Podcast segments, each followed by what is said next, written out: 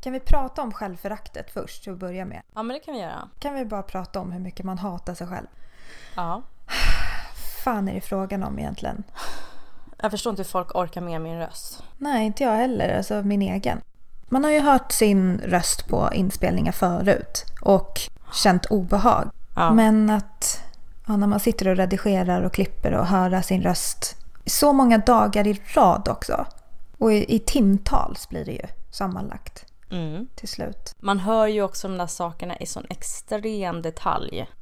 På detaljnivå. Mm. Alla de där idiotiska sakerna. Eller som min låtsasstamning. Vad är det? Ja, samma här. Herregud, men du låtsasstammar inte i alla fall. Jo, jo, jo. Jo, jo, jo, Katti. okej. Ja, ja, okej. jo, jo, jo, jo. Och nästan på samma ord som du. Till exempel det här, det, det, det är ju som, som, som... Vad fan är det? Jag tror att det är för att vi tycker att vi låter som att vi tänker efter då. Eller vi tänker ju säkert efter. Ja, men att vi, att vi liksom, vi, ja, liksom, att vi har något behov av att framhäva det faktum att vi tänker efter och därför lägger vi in de där äh, som, äh, ja men som. Ja, men eh, den där korta tiden också som det är när vi säger till exempel ja, men, eh, som, som när vi gick. Det är ju inte ens lång tid. Nej, Förstår du? Så att det är ju inte något att vi sitter och funderar jättelänge på vad vi ska Nej men säga. det är det eller? jag menar. Ja, och så säger jag så här, det är det jag menar. Alltså jag är så trött på det. Jag ska aldrig mer säga så. Lycka till. Ja, tack.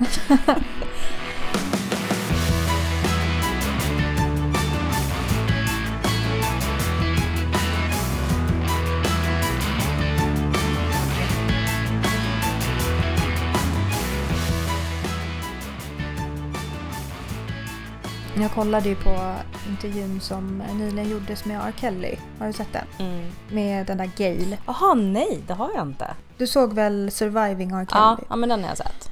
Precis, dokumentären då. Men han har ju blivit intervjuad nu utav Gail.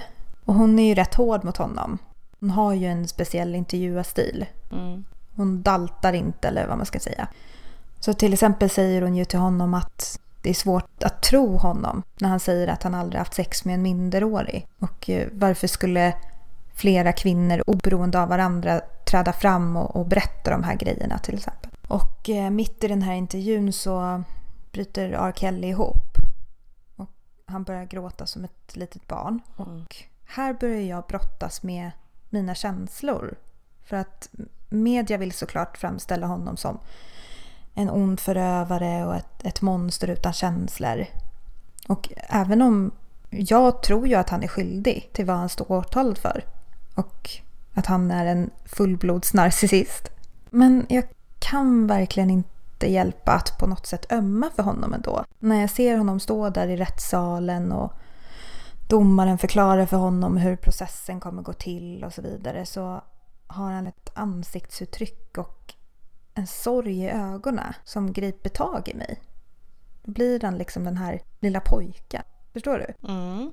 Och det är ju intressant för att människor består ju av många lager. Ingen människa är ju liksom antingen eller. För hans lidande är ju också verkligt. Och när han uttrycker det så, så är det ju som att jag liksom blir lockad att förlåta honom för allt.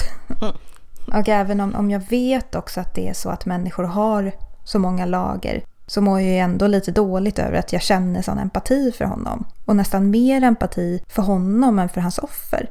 Men eh, du kan ju känna empati för honom men avsky vad han har gjort. Precis. Är det på det sättet du känner eller känner du att du förlåter det han har gjort? Det är ju som att jag känner att jag blir lockad till att förlåta. Att jag inte gör det men att jag känner att jag vill göra det. Men jag känner ju också att, att det är helt naturligt och kanske till och med sunt att känna så här eftersom det visar att min instinkt att känna empati för den som lider fungerar. Mm. Men det är också vanligt för mig, eller det är vanligt förekommande att jag känner en väldigt stor empati för just äldre män. Han är inte tillräckligt gammal ännu. Han är ändå... Han är väl ändå 52 eller något sånt där. Ja, Jag undrar vad det kan bero på.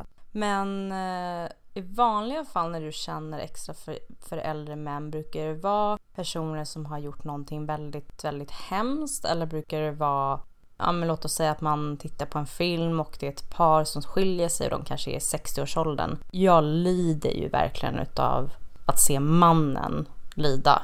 Mm. För att jag tänker, eller jag känner uppriktigt sagt att jag tror verkligen att kvinnor klarar sig ensamma mycket bättre än vad män gör. Mm. Därför tycker jag så synd om dem. Precis, och det känns också som att det är vanligare att ensamma män skjuter skallen av sig. Ja. Att de inte kan hantera det på samma sätt. Är du rädd för att R. Kelly ska skjuta skallen av sig? Jag är inte rädd för det, men jag tror att det finns en risk att han gör det. Ja. Och jag menar, det kommer ju inte påverka mig personligen.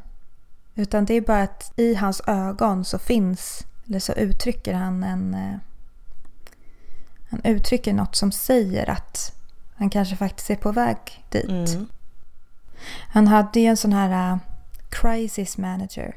Han var med i en intervju där intervjuaren frågade honom om han skulle låta sin 20-åriga dotter umgås med R. Kelly. Mm. Och då svarade han, jag skulle inte låta min dotter umgås med någon som är pedofilanklagad. Och, ja, men eh, vilken dålig crisis manager! nej men det är det jag tänkte komma till, att jag tycker det var genialiskt. På vilket sätt menar du? Därför att det är väldigt, eh, det är väldigt ärligt. Ja.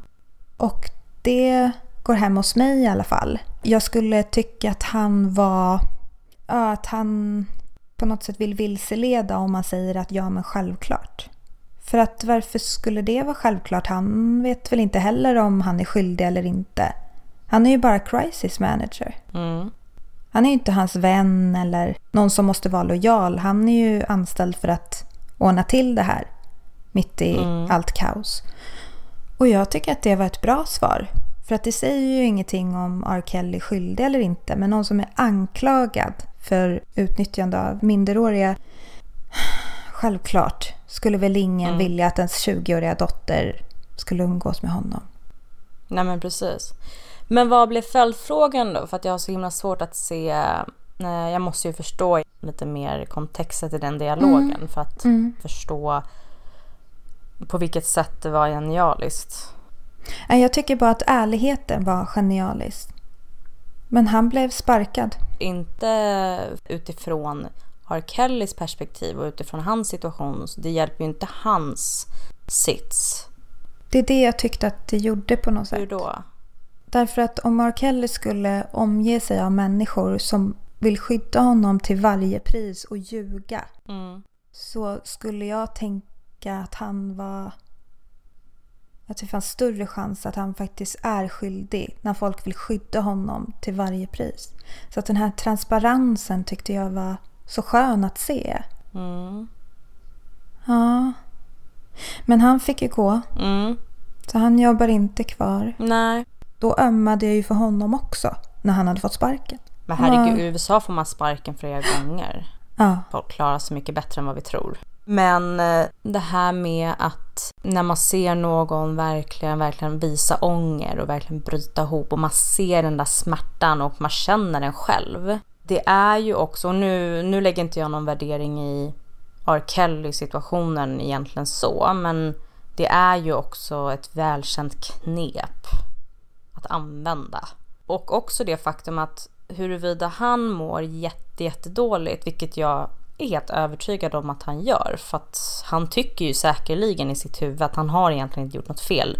Det tror jag ärligt talat. Han är inte som alla andra. Men eh, när han visar den där, eh, de där väldigt starka känslorna som man känner väldigt mycket för och kan känna igen också. För de flesta har ju känt det där mörkret när allting i ens liv faktiskt håller på att falla isär. Det känner man ju igen. Men det är ju egentligen helt irrelevant gentemot huruvida han har utsatt andra människor för alla dessa hemskheter och mörker också. För jag menar, det, det, det tar ju inte bort någonting. Det är ju två skilda saker egentligen, tänker jag. Så att jag kan ömma för honom och känna med honom som en individ.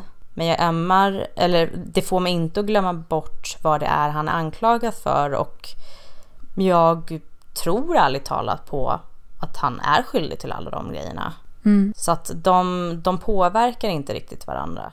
Just tanken på att han faktiskt har begått de här eh, brotten.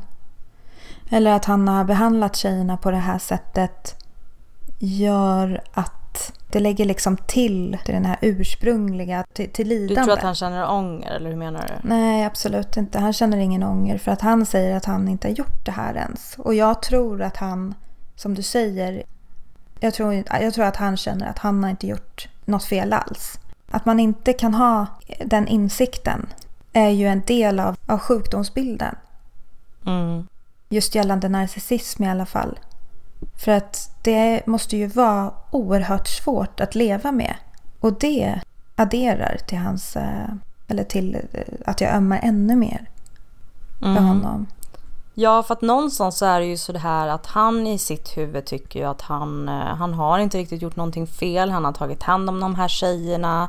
De har verkat vilja vara där för honom och har accepterat vissa av hans dåliga sidor. Lite grann så kan jag tänka mig att han ser det, eller i alla fall uttrycker det. Så att för honom ser det ju verkligen som att världen är ute efter att sätta dit honom. Mm. Sen ifall han alltid har sett det så här eller inte. Jag vet inte ifall det nödvändigtvis är så att han alltid har sett det så. Men just nu så är det ju så han känner. Jag menar, man kan ju intala sig någonting tillräckligt länge och till slut så tror man ju på den sanningen. Mm. Men det gör inte att jag tycker synd om honom. Nej, och frågan är om jag skulle tycka mer synd om honom om han satte sig ner i den här intervjun och sa att han ångrar sig. Istället för att han inte har gjort det. Och erkänner att han har gjort det här och ångrar sig och gråter för det. För att det är klart att nu gråter ju han för att han är under extrem press. Och det är ju såklart en känsla också som inte kan vara så rolig att leva med. Så jag ömmar ju för honom på grund av det. Jag vet inte, det kan, han, han kanske spelar ett spel nu när han sitter där och gråter. Det är kanske är precis den här reaktionen han vill ha. Han får ingen sympati från mig eller empati. Och det är inte heller att jag känner hat. Tvärtom så är det väl snarare att, att hatet sköljs av när jag tänker på honom som en människa. Men jag känner inte heller empatin. Nej. Men så tänker jag att, att han eh, själv har blivit utnyttjad. För att man tänker ju ofta när man läser såna här eller hör såna här historier att det är eh, ett monster utan känslor Mm.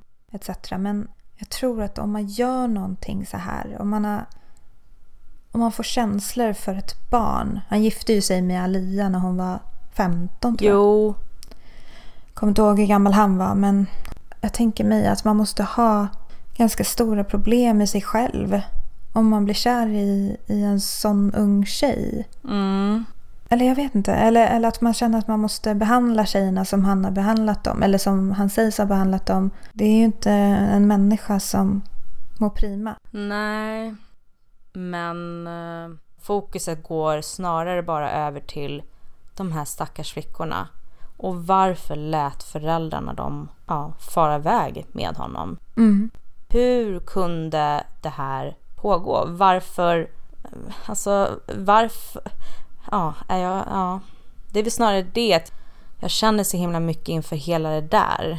Snarare än att jag känner hat mot honom, för att hatet leder ingenstans mot honom. De behöver folk nu, de här tjejerna. Går det ens någonsin att laga all skada som detta har orsakat? Till exempel. Har alla kommit ut ur det där huset? Jag vet inte. Nej, han har två tjejer där. Ja. Eh, två av dem som vars föräldrar var med i Surviving R. Kelly-dokumentären. Ja, okej, de är fortfarande där alltså. Ja, de är där och de försvarar honom fortfarande så. Mm. Men, eh, men även då om han nu har sina offer. Mm. Så när han var liten så var ju han offret. Mm, absolut. Efter hur lång tid slutar han vara offret? Nej, men han kan ju också vara offer, fast de är offer för olika saker.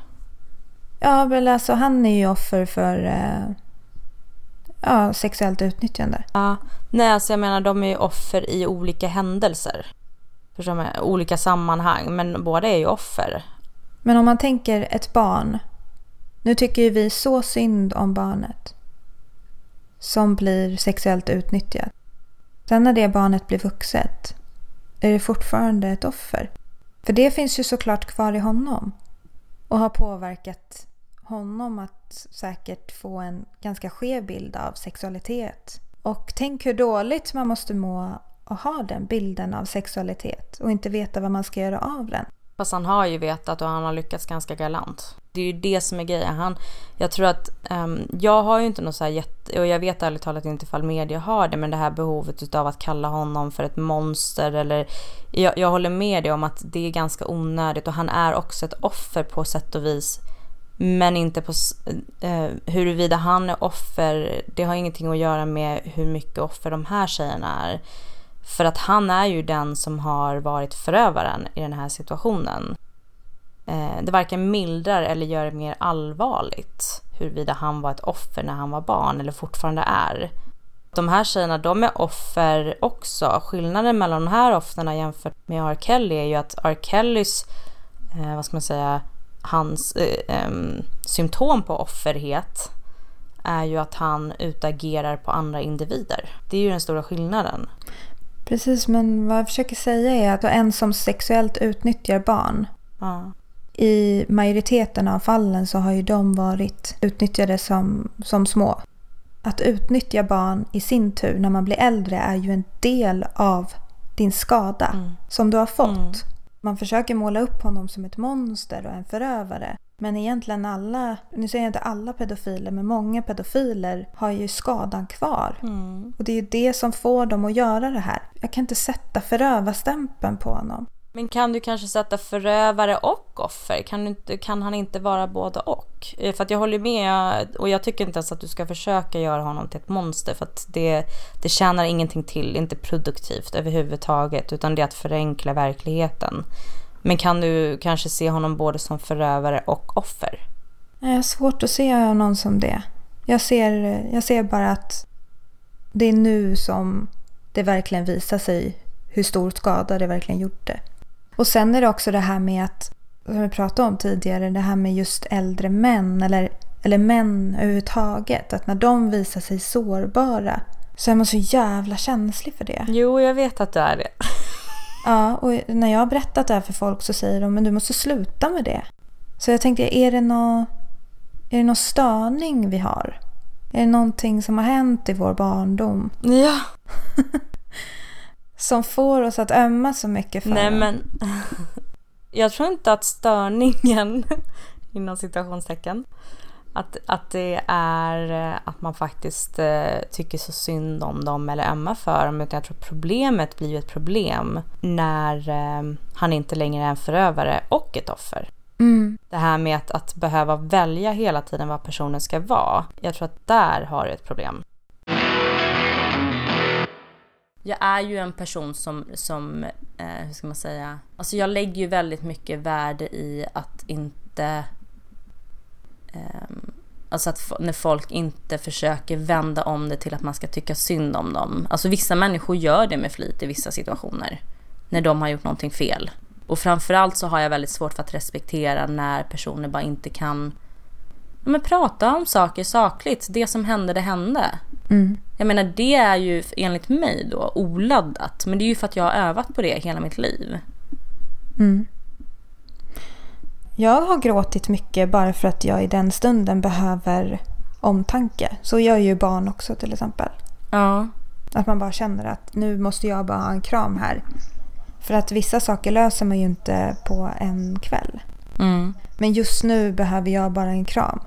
Och ibland så, så kommer tårar då bara för att jag känner att jag behöver det.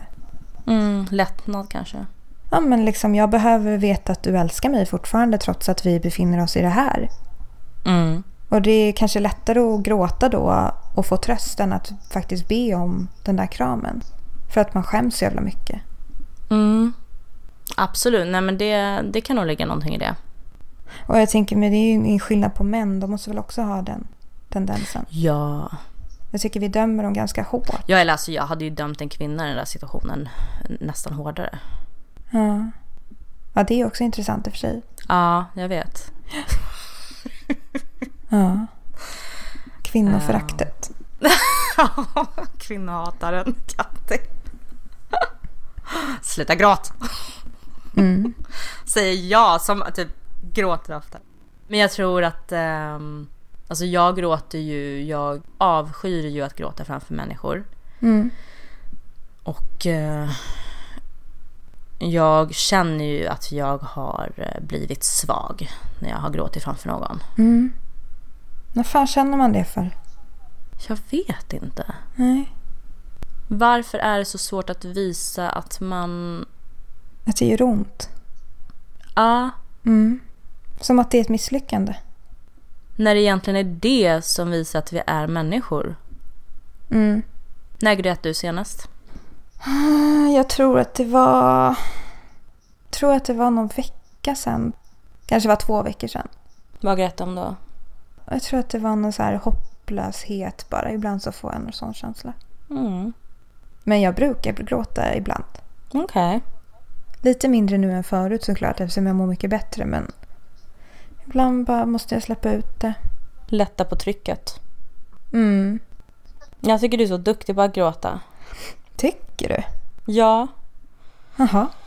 jag kämpar emot det så himla mycket när jag, alltså när jag verkligen behöver gråta. Så att det, det blir inte ens ett ordentligt gråt.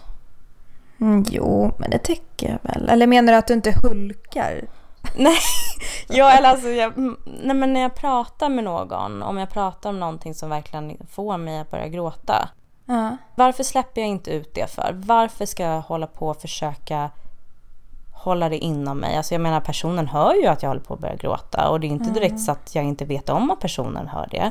Så varför inte bara bara lätta på trycket i halsen för man får ju jätteont i halsen när man försöker dölja det. Det är ju jättekonstigt. Vad fan får man det för? Är det för att man liksom spänner så mycket någonstans att man inte ska Ja. komma tårar? Eller jag vet inte. Ja, för att det är jättejobbigt. Ja, man måste googla det här. Och rösten blir helt fruktansvärd.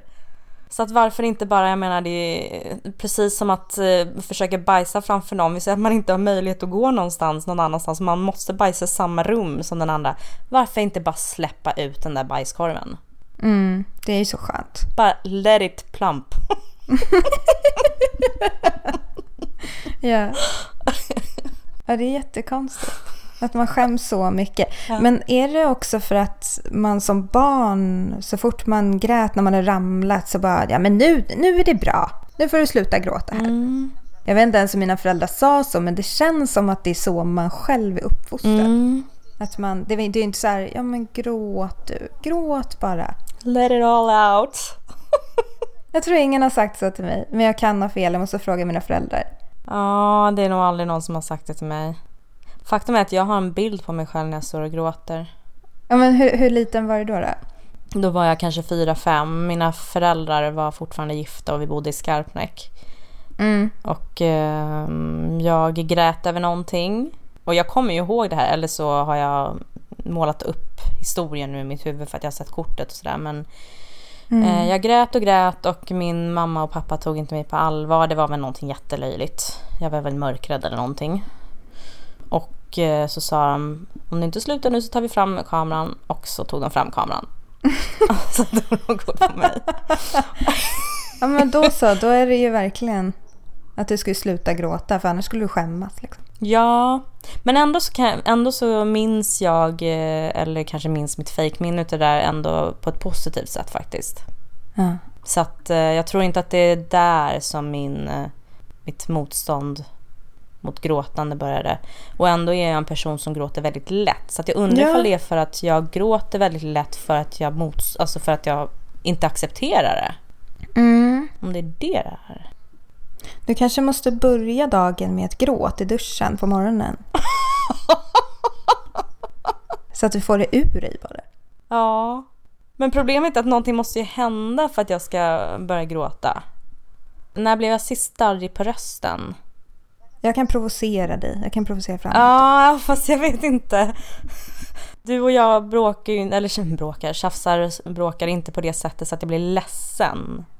Men eh, vad är det sorgligaste du har hört någonsin? Ja men gud den där bilden på um, för några veckor sedan så var det en bild på en, en pappa som hade eh, och ett litet barn i en å som hade drunknat när de försökte ta sig från Mexiko till, till USA.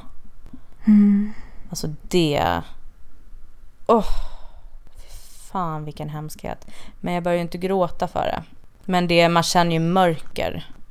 Det gör man ju. Men jag har ju svårt att relatera till bilder och sådär. Och filmer. Mm. Jag måste liksom ha en känsla som jag upplevt själv. Precis. Jag blir inte så påverkad. Förutom äldre män som mår dåligt. Ja, precis. För det, då, det är hur lätt som helst. Då behöver man bara se en bild. ja.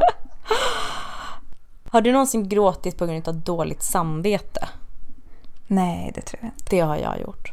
Och är det liksom dåligt samvete som att du vet att du har verkligen gjort illa någon eller är det för att du skäms? Det var faktiskt för att jag verkligen insåg vad i helvete har jag sagt för någonting. Uh. Och eh, i stunden när jag sa de här sakerna så var det ju helt korrekt. Eh, hur ska man säga? Det här var då ett, ett tjafs, nej ett riktigt bråk skulle jag nog kalla det för, mellan mig och min svägerska för eh, två år sedan.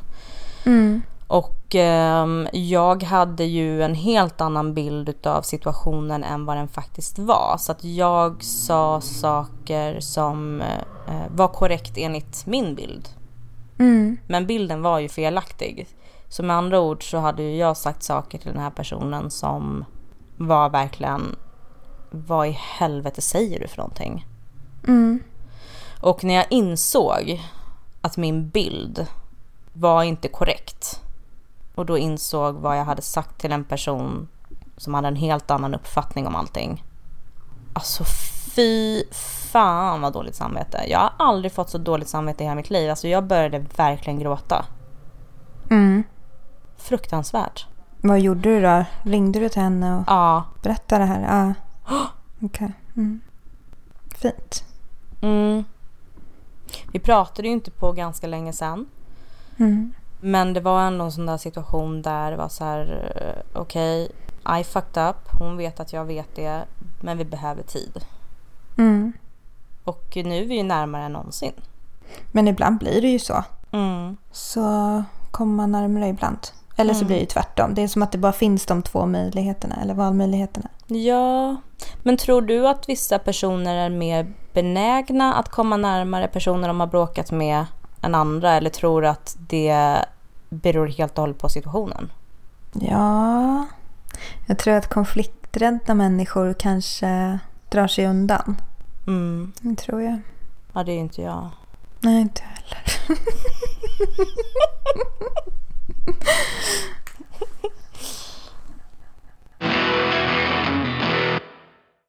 Men kan vi inte prata om ASAP? Jo, eh, men jag, jag läste ju Fuppen Mm. och eh, jag tror att han har använt den här flaskan eh, som de säger då att han har använt på den här killen.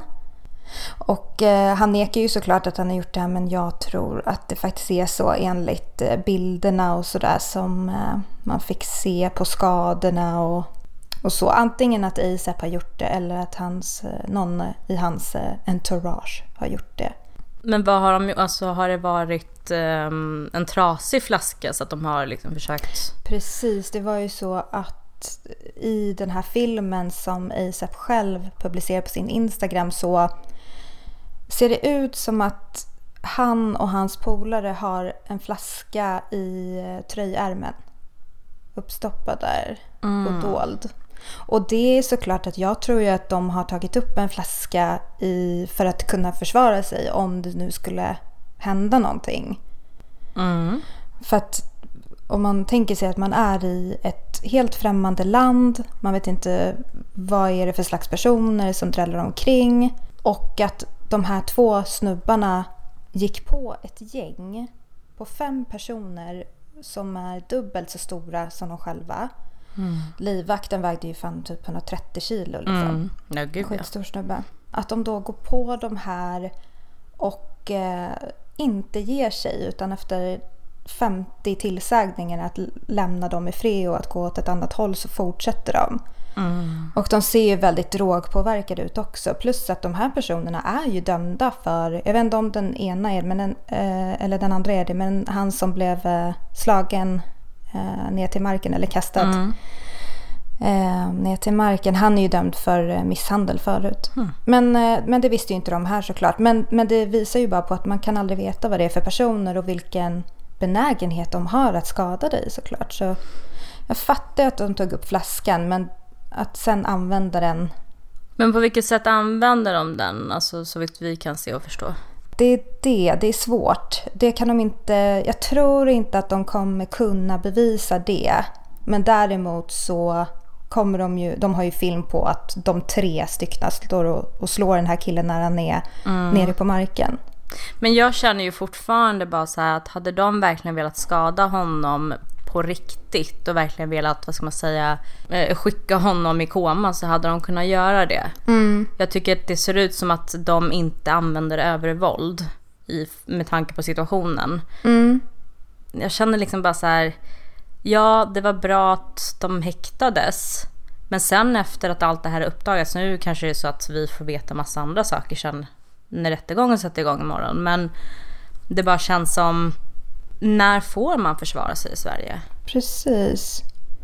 Och det tänkte jag ju på också för att eh, eh Henrik Jönsson, den här youtubern och eh, entreprenören sa i sin video att, eh, eh, att vår lag gällande självförsvar är framtagen under en tid då vi inte behövde ta i beaktning att folk går omkring med, med knivar på sig eller, eller vapen eller skjutvapen på sig. Mm. Det måste ju ändå, alltså rädslan man känner när, när man tar det i beaktning. Att man vet inte om de här är beväpnade eh, och kan ta upp en pistol när som helst. Eller, ja, eller drogpåverkade personer som ja, visar ett gränslöst beteende. Mm. Man vet inte vad de kan ta sig till och det skapar ju en extra rädsla i en som gör att man får mer adrenalin och med adrenalin så är det klart att man är mer benägen att skada någon annan också.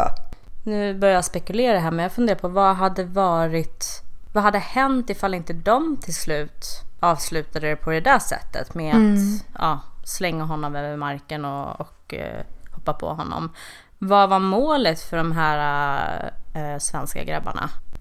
De hade ett mål och det var att provocera någonting ville de ju få fram. Ja. Och då är okej, okay, och då när, grejen är så här, vem som helst kan bli provocerad. När, ifall den andra personen bara håller på tillräckligt mycket. Och tillräckligt länge och trycker på rätt knappar. Mm. Och så här, ja, nu reagerade de. Mm. Efter, jag vet inte hur länge det höll på. Nej, och precis det är ju, jag tror att alla förstår ju det här, äh, alltså jag tror att alla förstår frustrationen som de måste ha känt och rädslan som de måste ha känt. Mm. Men när man ser filmen att de behöver gå fram tre styckna mm. och, och, slå honom. Alltså det är självklart att, att det jag tycker att det är självklart att det har varit övervåld men att jag kan förstå det mm. och att jag på något sätt kan tycka att det faktiskt var bra. ja. Uh, Han kanske lär sig någonting, vem vet? Det tror jag inte. Nej, tyvärr. det, tyvärr. det tror jag inte. Han är väl dömd redan för typ så fyra, fem brott under sin tid i Sverige. Ja, okej. Okay. Och den andra killen också. Men om han hade ännu mer. Men och sen också eh, en aspekt är ju det här med att de, de eh, ASAP och hans polare kommer ju säkert bli dömda. Vi vet inte vad de kommer bli dömda till men vi säger nu att de kommer bli dömda till eh, en tids fängelse i Sverige, vilket är jättespännande att ASAP ska vara här. Vi borde ge honom medborgarskap. Ja, precis! Ja, men fängelse är ju för det första till för att straffa en person såklart, eh, ta ifrån dennes frihet men också att skydda allmänheten från de här personerna. Och då kan man ju tänka så här, vilket, eh, vilket av de här gängen skulle man helst vilja möta i en mörk gränd på kvällen? Och vilka skulle man vilja sitta inne för att skydda allmänheten? Alltså jag skulle hellre möta ASAP och hans gäng i en mörk gränd, definitivt.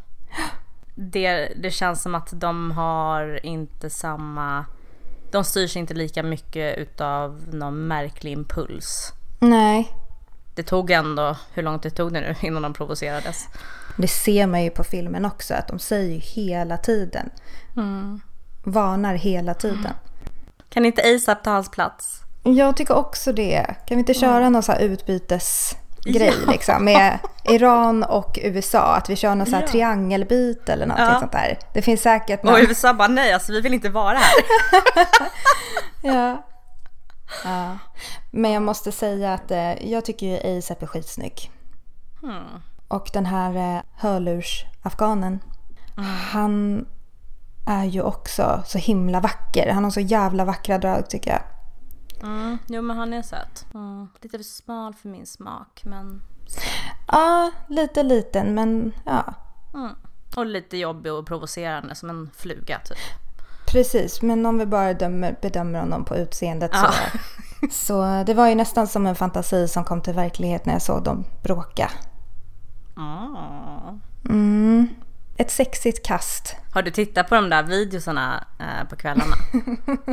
Hoppas på mysiga drömmar efteråt. Ja, ja. Men jag har inte lyckats än. Kanske i natt. Ja men precis. Jag har ju inte hört någon som tycker att det var rätt att häkta honom.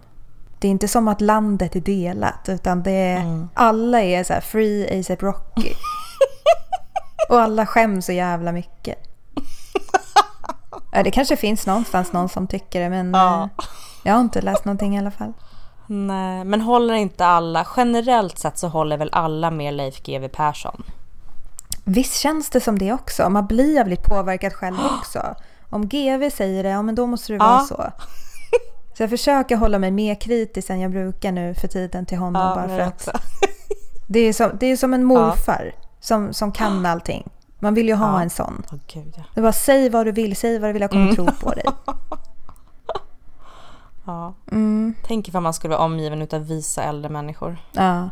Men jag tror det är någonting, man vill tillbaka till, eh, till barndomen. För kommer du ihåg när föräldrarna aldrig kunde ha fel?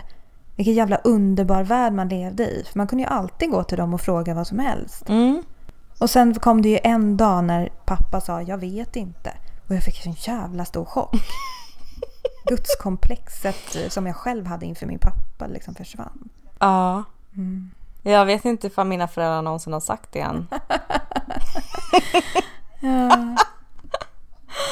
Det är du som är Gud.